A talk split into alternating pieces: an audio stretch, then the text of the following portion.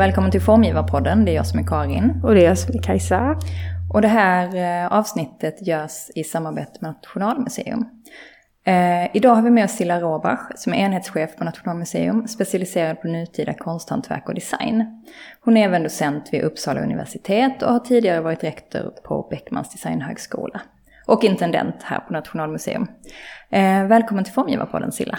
Tack så mycket. Kul att ha dig här. Ja, kul mm. att vara här. eh, kan du inte berätta lite om din bakgrund och hur du hamnade här på Nationalmuseum? Mm. Eh, så här i efterhand kan man ju alltid undra hur det gick till. Ja. Men eh, jag är ju då konsthistoriker. Jag har alltid varit kulturintresserad ända sedan jag var, var ganska ung. Eh, jag är ett sånt här barn som vars föräldrar släpade med mig på museer. Och då tyckte jag inte det var kul alls. Eller det var liksom roligt fem minuter men sen ville man göra något annat. Men sen eh, ju äldre jag blev så blev jag liksom mer kulturintresserad. Blev intresserad av att spela teater och sådana där saker. Så att när jag började plugga så tänkte jag kanske att jag skulle läsa konst bara lite så här som en mellan, ett mellanämne. Men jag blev helt fast. Och det tror jag beror på att jag hade en lärare som hette Gunilla Frick, hon lever inte längre, som, som har skrivit en hel del om formhistoria och också hade några föreläsningar. Och då kände jag att det här med med liksom konst eller formgivning och eh, politik och samhällsfrågor, det går jag igång på. Mm. Så att då började jag forska kring sådana saker och sen fick jag jobb här 1998. Och har varit här då sedan dess, utom några år då jag var rektor för Beckman som du sa. Mm. Um, 2010 så disputerade du i konstvetenskap vid Uppsala universitet mm. med avhandlingen Formens frigörelse. Eh, och i den doktorsavhandlingen så etablerar du beteckningen den fria formen om föremål som bröt normer och konventioner inom 50 och 60-talets svenska formtraditioner. Eh, kan du se spår av den fria formen i dagens eh, designkontext? Ja, absolut. Ehm, jag tänker att det, det som det som jag ofta har gått igång på på olika, eh, eller det som, det som jag börjar gräva i, mm. är ofta något som skaver lite ja. grann. Och den här fria formen, den, den eh, hittade jag ju kan man säga på Nationalmuseum i våra magasin när jag gick runt och tittade. Det är en sån ynnest att ha en egen nyckel till magasinen mm. och liksom bara, ja, det ser ut, det låter som att jag går och gör ingenting och bara strosar. Man arbetar ju också, men man får ju möta väldigt mycket föremål. Så tyckte jag att det liksom poppade upp ett, ett gäng grejer som inte riktigt passade in i den formhistoria som jag hade förväntat mig skulle finnas på Nationalmuseum. För det här är ju som du sa föremål som bryter mot normer och konventioner. Där ehm, eh, det som omhuldades var väldigt mycket saker som skulle liksom ha en funktion. Mm. Eh, skönhet eh, var, eller mättes utifrån eh, harmonier och proportioner och liksom elegans. Och det här eh, föremål så mycket mer har introducerat slumpen liksom i, i hur de visuellt ser ut. Eh, och också så bröt de mot en hantverkstradition, liksom, eller en, en idé man kan jämföra med, som kanske många känner till, Ingeborg Lundins glasvas Äpplet från 50-talets mitt, som är vad kan den vara, 40-50 centimeter hög.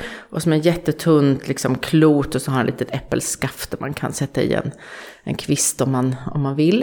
Eh, den är väldigt svår att blåsa, den är, att få till, eh, mm. kräver enorm hantverksskicklighet.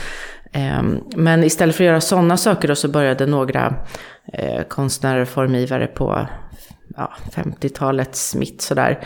Eh, som Bertil Wallin då som var ung, han började gjuta glas istället. Och det är ju så han har fortsatt med sina båtar och eh, huvuden och så.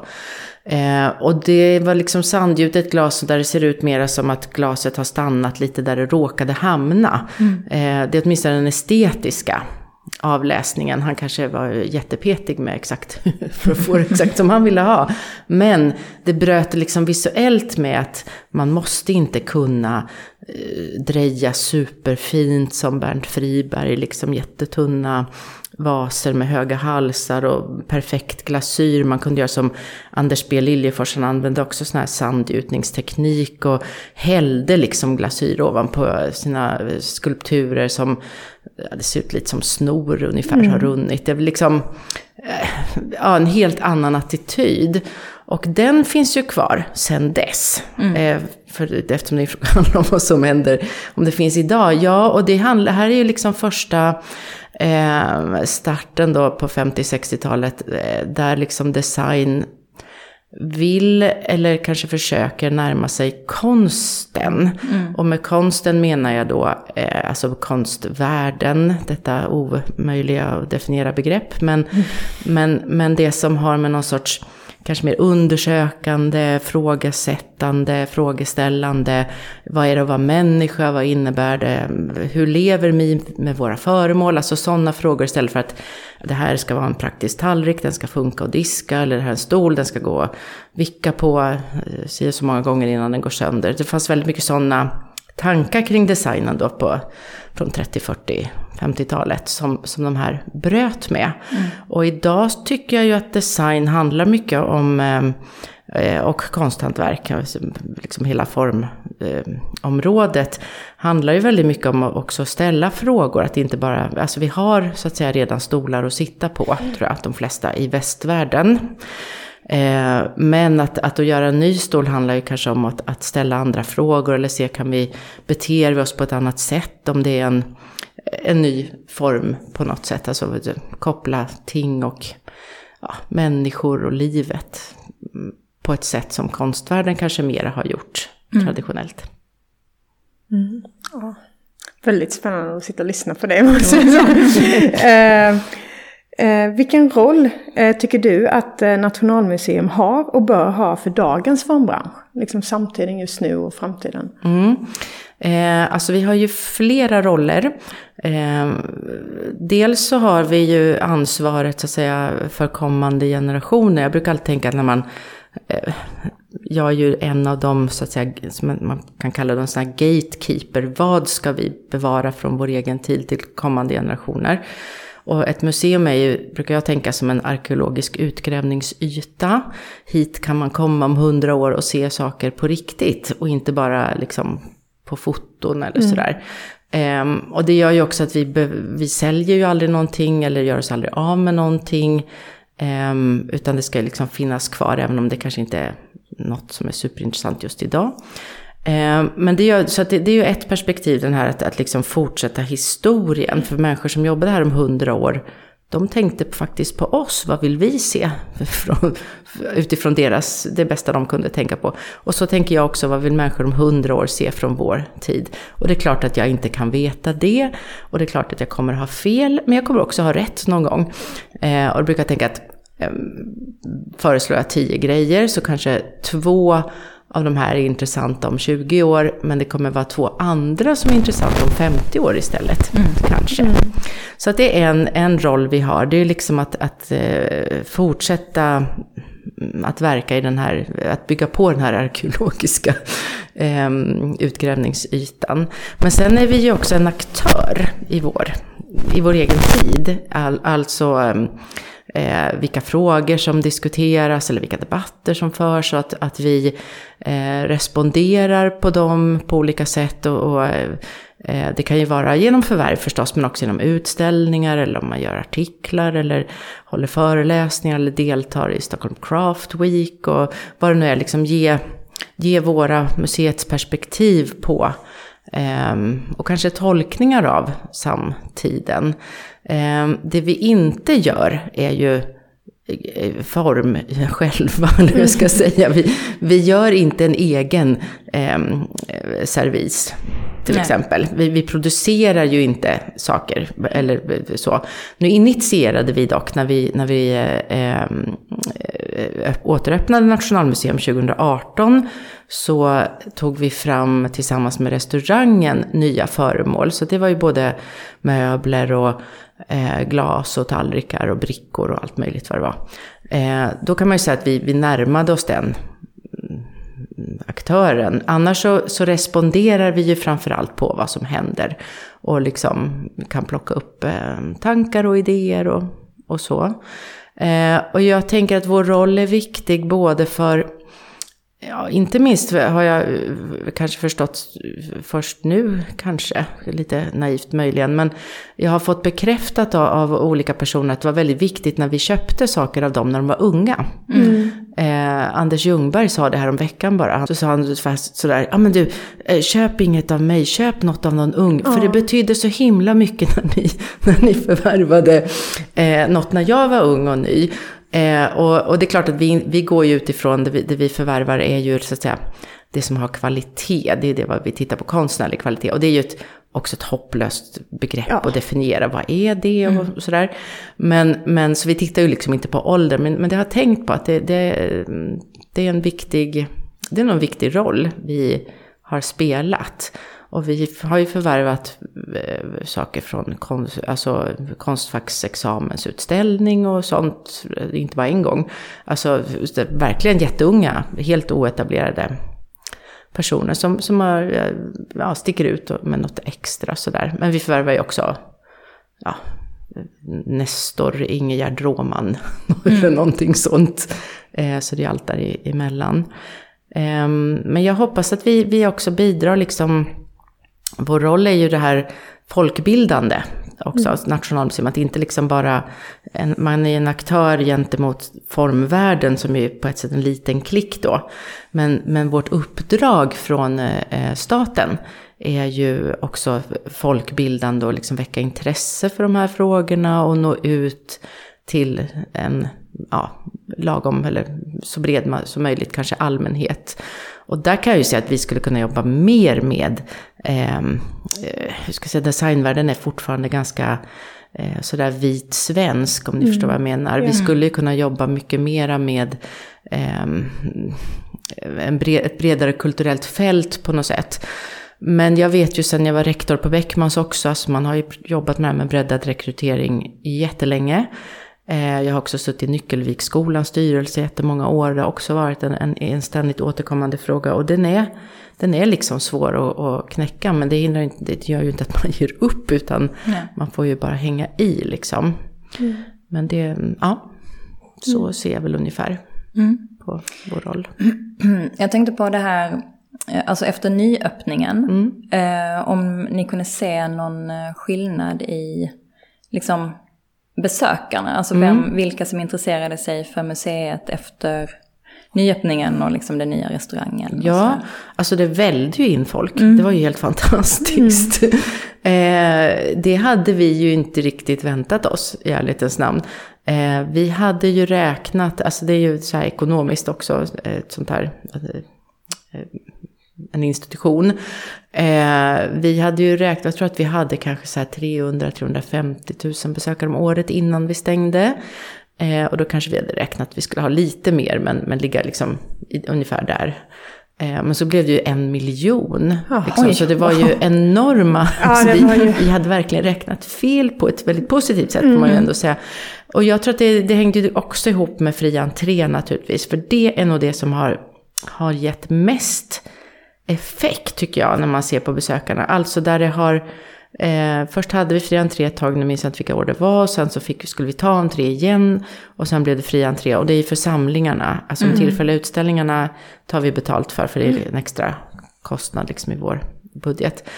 Eh, men när det är fri entré för samlingarna, då, då når vi också mycket bredare eh, grupper. Det kommer liksom fler eh, säga, det blir, flera olika slag mm. på något sätt. Och inte, inte eh, kanske en förväntad liksom, bildad medelklass utan en, ett bredare ett bredare mm, gäng. Mm. Och det är ju jättebra. Mm. Och, och, fantastiskt. Jag menar som skattebetalare tycker jag ju att det är perfekt. Mm. Sen kan jag ju se att, att vi som museiinstitution eh, går väldigt mycket back på det eftersom vi inte riktigt ja, det blir mera kostnader också om man ska ha fler pappershanddukar på toaletten eller städning eller vakter mm. eller vad det nu är. Och de har vi inte riktigt fått kanske ersättning för, tycker vi, fullt ut. Det kanske kulturdepartementet tycker annorlunda, det gör de säkert, men tillika. Mm. Eh, men men det, det, är där, det är nog den stora förändringen faktiskt. Eh, och sen blev det också väldigt positivt liksom i media, eh, väldigt snabbt om det här nya Nationalmuseum och vårt sätt att jobba med både hur vi har integrerat samlingarna så att man, det är inte bara måleri och sen en annan rum med bara möbler och glas eller så här, utan vi har integrerat olika konstarter. Och det är ett sätt liksom att se på historien att vi, vi, i vår tid lever ju inte bara i en sektor. Alltså jobbar man med, säger vi, att man är filmregissör, då läser man ju också böcker. Mm. Och man ser, liksom, lyssnar på musik och man, man rör sig i olika kulturella fält samtidigt. Och det gjorde ju de här konstnärerna och formgivarna även förr i tiden. Och den här uppdelningen liksom i ja, det här är konsthantverk och design och det här är teckning och grafik och det här är liksom bildkonst och så här. Den är ganska eh, museal om ni förstår vad jag menar. Alltså mm. när museerna grundades, så mm. andra halvan av 1800-talet ungefär, då la man allting i små liksom, lådor på det här sättet för att kartlägga och det var väl kanske en startpunkt i konsthistorieskrivningen och så här. Idag eh, tänker vi lite annorlunda och det tror jag också, eller jag hoppas att, det, att publiken uppskattar det, att man liksom får en känsla, jaha, de här eh, formerna, färgerna, idéerna, de finns ju både i, den här målningen och i den här stolen och i skulpturen och en silverkanna liksom. Så att, eh, det, det är i alla fall vår, vår förhoppning. Mm. Mm. Men du har ju eh, ett utifrån perspektiv på designkontexten kan man säga. Alltså mm. Alltså så att du, du tittar utifrån. Och jag tycker det skulle vara spännande att, att höra... Att jag inte är designer själv. Nej, precis. Nej. Jag menar att du inte är utövande, utan ja. att, du liksom, Absolut. att du tittar från ett annat perspektiv. Mm. Så. Mm. Men vilka strömningar ser du i dagens mm. eh, design, liksom, ja, i den, den design som är nutida? Alltså den, jag tycker det, det, det är väldigt spännande och ganska, ganska, eh, en ganska rolig tid. För det pågår på något sätt mycket saker. Eh, och samtidigt så är det väldigt viktiga frågor som ligger över alltihopa. Och den viktigaste är ju naturligtvis Eh, frågan om hållbar utveckling, eh, miljöförstöringen, behöver vi nya grejer, hur ska vi förhålla oss till konsumtion, sådana aspekter. Och nu finns det ju kanske, antar att det kommer dessutom sådana här eh, responser liksom på Ukraina-kriget mm. och, och äh, rädslor som uppstår i samhället och, och sådana sådana aspekter kan jag tänka mig. Jag tycker att designen, den, den eh, alltså om man tar som en bred karta. Det finns ju både en, en, en konceptuell och en materiell liksom, ingång i, i det här fältet. Och ofta kanske man väljer en av dem eller eh, många jobbar ju, ingen jobbar ju bara med koncept och ingen jobbar bara med materiella men man kanske har sin grund eller bas i någonting om man ser sig som konsthantverkare eller designer då eller formgivare. Eh, men jag tror, tycker att det, det, är en, eh, det, det som är viktigt och roligt och, och bra, det är ju den här eh, grundandet i att man, man tar liksom inte bara fram ett snyggt glas eh, som skulle kunna gå sig, det finns det ju säkert de som gör också, men, men eh, eh utifrån någon sorts designidentitet så handlar det ju mycket mer om att liksom närma sig ja, reella problem som finns. Och kanske inte alltid att man måste hitta lösningar. Man måste inte lösa allt. Ett tag i början när den här hållbar utveckling började diskuteras på allvar efter Al Gores film 2006 kom väl den, den här En obekväm sanning. Eh, där han ju då, eh, som inte blev Amerikas president, liksom går in med de här miljöfrågorna och den blev ju jätteuppmärksammad. Och då när den kom, då, då låg det nästan som en sån här, ja det är designerna som ska fixa hela miljöproblemet. Mm. De ska hitta på nu eh, jättesmarta energilösningar som gör att vi inte behöver så mycket el eller eh, nya material som inte ger någon skada eller någon fotavtryck på miljön och sådär.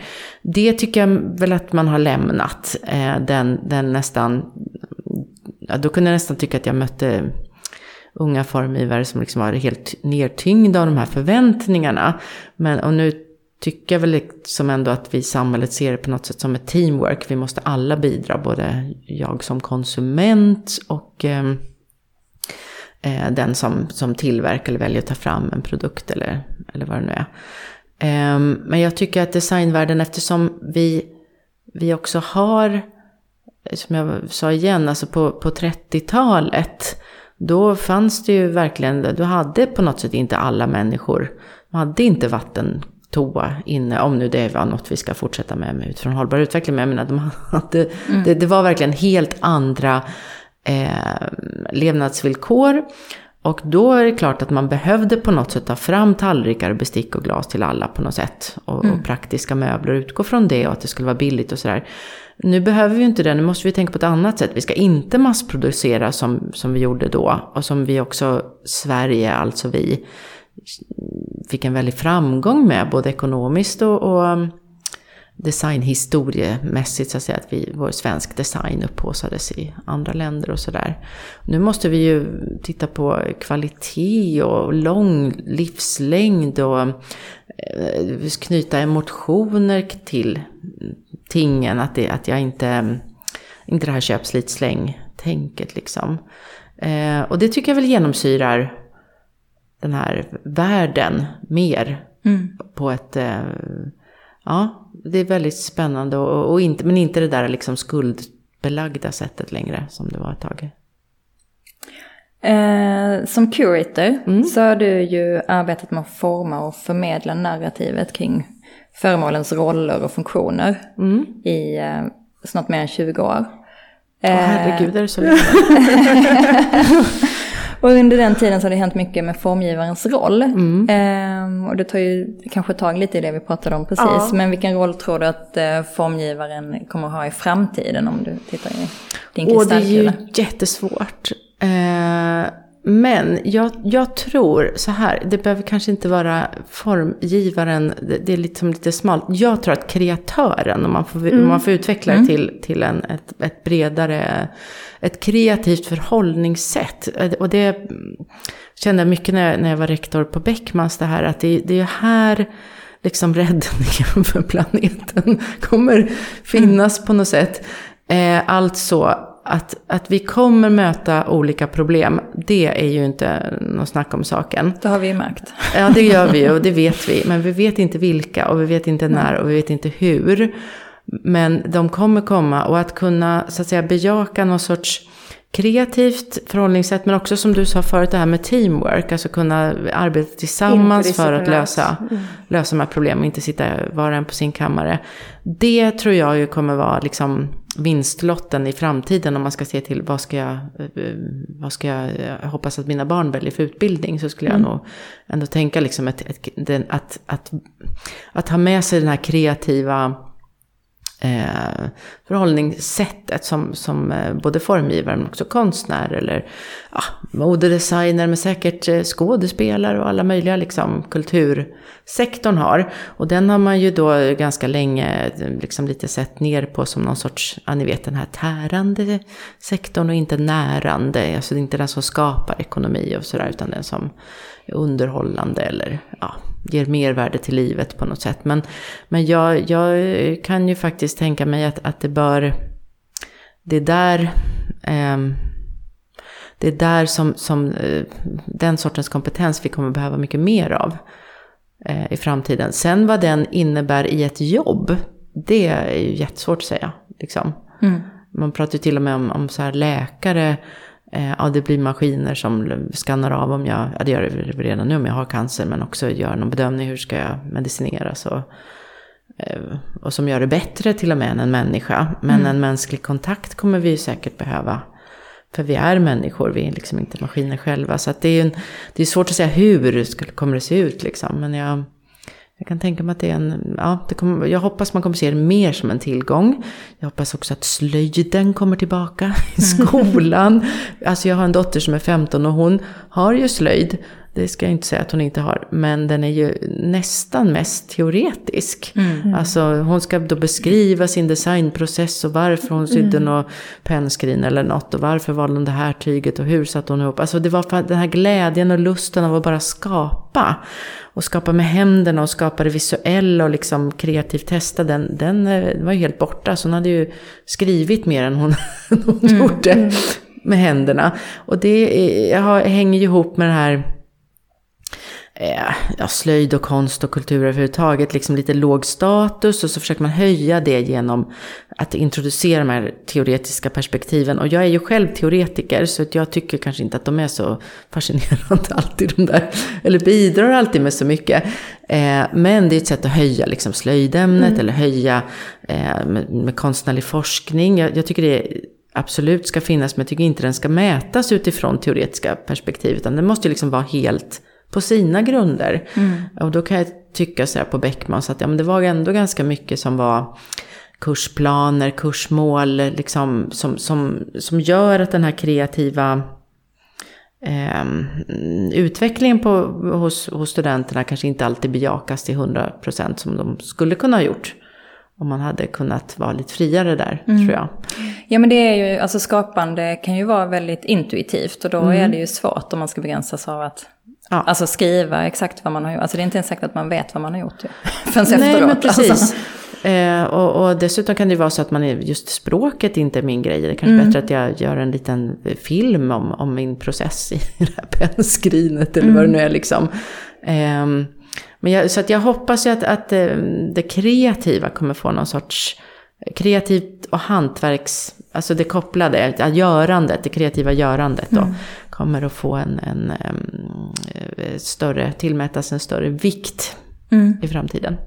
Men jag tycker någonting är lite spännande också, som jag har känt så här dallringar Och det är lite nu när man liksom för jag kanske jobbar på ett lite annat sätt så här, när man pitchar företag och sånt. Att jag försöker liksom förtydliga att de här mjuka värdena kommer att bli era hårda värden.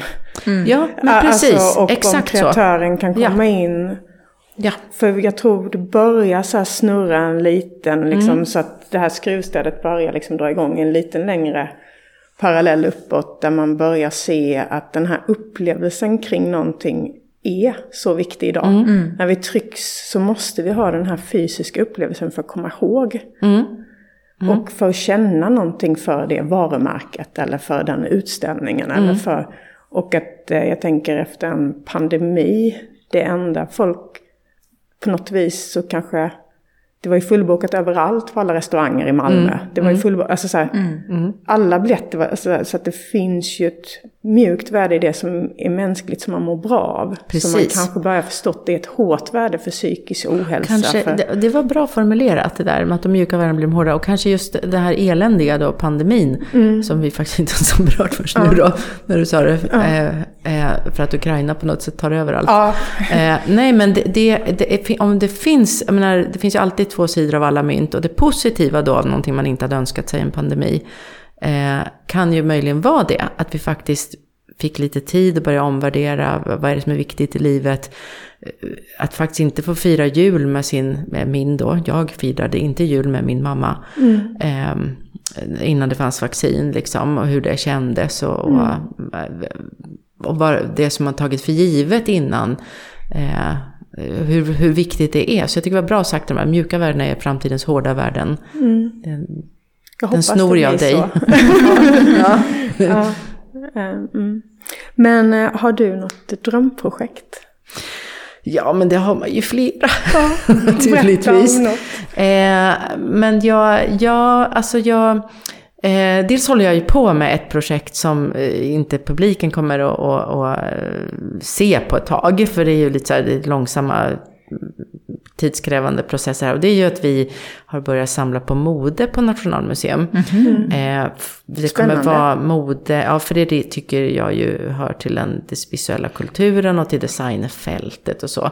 Och det vi har bestämt, eftersom vi inte har några pengar förstås, så har vi bestämt att vi börjar samla på mode från 2000-talet och framåt. Vi, vi tittar inte efter att liksom fylla historiska luckor. Eh, och det är också mode av hög konstnärlig kvalitet och kanske inte samma, alltså det som motsvarar samlingarna i övrigt. Eh, och det kommer bli en utställning 2025. Eh, så det är ju ett tag kvar mm. för publiken. Eh, så det, det, är väl eh, en, en del som jag eh, nu ska se fram emot verkligen att få jobba med. Men sen tänker jag det, det som jag skulle, om man bara liksom, det här drömprojekt låter ju som att man får önska sig vad som helst. Mm, ja, precis. ja, precis, för det här ligger ändå i pipeline. Eh, jag skulle gärna fortsätta och liksom, det som jag gjort lite nu med Swedish Grace-utställningen här och, och, med en stor katalog och sådär. Eh, att försöka nyansera historieskrivningen.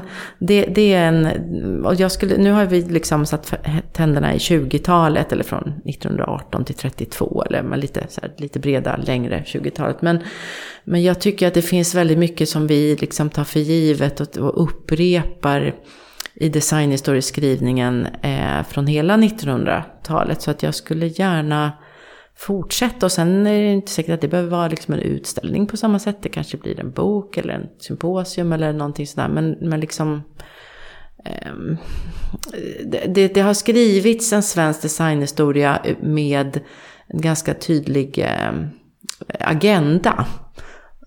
Och den var politisk och den var ekonomisk och den var väldigt liksom, strategisk och medveten.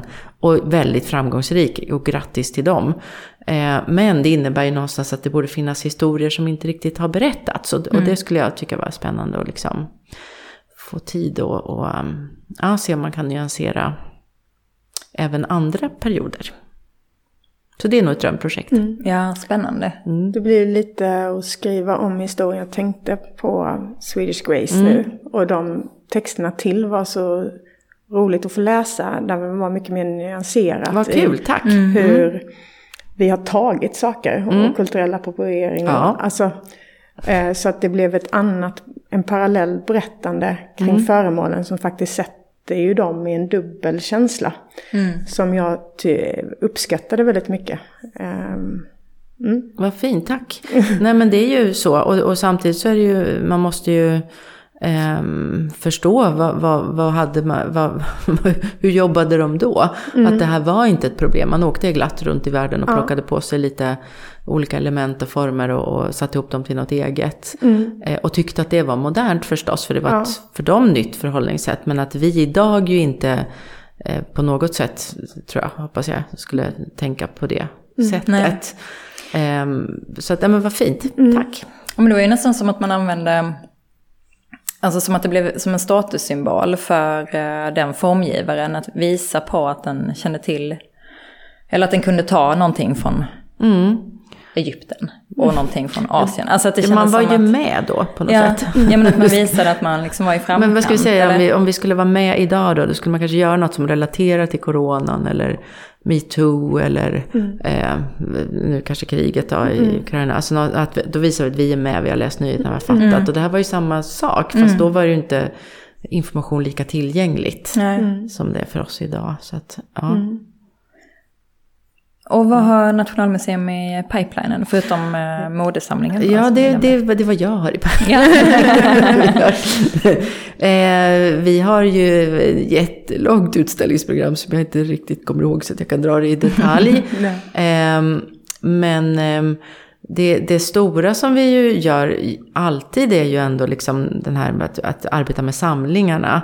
Eh, och det låter, jag inser ju det när jag säger det, att det låter så lite musealt och, och små eh, tråkigt, men det är ju där det händer. Det är liksom när man rör sig i samlingarna som man märker att, jaha, här skaver det lite, vad är det som har hänt här, varför är det så? Så var det också när jag gjorde den här utställningen Slow Art 2012, som handlade om perspektiv på tid och tillverkningsprocesser, att jag liksom även där tyckte att ah, men nu, är det, nu har vi en hög med, med, med verk här som varit oerhört tidskrävande mm, att tillverka. Varför kommer de nu? Vad vill de liksom säga och sådär. Eh, så det är liksom den stora, ständigt pågående eh, lågintensiva processen. Eh, men annars öppnar vi nu en utställning med kvinnliga skulptörer, bara mm. om nästa vecka är det väl. Eh, med eh, en rad konstnärer från sent 1800-tal och, och, lite tidigt 1900-tal som, som eh, ju inte alls har upp, uppmärksammat så mycket i konsthistorieskrivningen. Eh, man kan väl säga att inom bildkonstområdet så är ju måleriet så att säga det mest högstående. Det är ja, mycket färg och det är fint och, och sådär. Eh, och sen eh, är ju liksom skulpturen lite längre ner generellt. Och kvinnliga skulptörer har ju då varit ännu mindre kanske Eh, man har intresserat sig för. Så att det kommer en stor bok med ny forskning kring det och eh, då som sagt en utställning som öppnar. Mm. Fanns de verken i samlingen då? Alltså tänker... En del fanns, annat mm. har vi också förvärvat. Precis ja, som med mm. Swedish Grace så har vi ju aktivt eh, arbetat med att se över samlingen. Det är så man gör, man, man gör liksom ett projekt. Och så tänker vi, vad, vad är det vi, vad har vi, vad saknar vi, varför saknar vi det? Kanske till och med så att vi inte har råd att komplettera. Men då vet vi det åtminstone, att vi, mm. vi skulle behöva det här. Eh, och sen så får man också låna in och sådär lite ja, till utställningar. Men, men det viktigaste med ett sånt här projekt, förutom att liksom möta publiken idag, det är ju också att, att fylla sam på samlingarna och för att historien inte ska bli skev mm. eh, för framtida generationer. Och att de också ska kunna komma och se på det här med kanske sina perspektiv. De kommer se andra saker. Mm. Som det här med kulturell appropriering som, som vi ser att de gjorde på 20-talet. Det var ingenting de såg själva på det sättet. Nej. Det var helt oproblematiskt. Eh, men idag, hundra år senare, kan vi diskutera det utifrån våra aspekter. Um, ja, men tack Silla så mycket för att du kom hit. Vad kul ja, att jag fick komma. Det var jättespännande. Jätteroligt att prata med dig. Mm. Tack så mycket. Hej då. Hej då. Hej.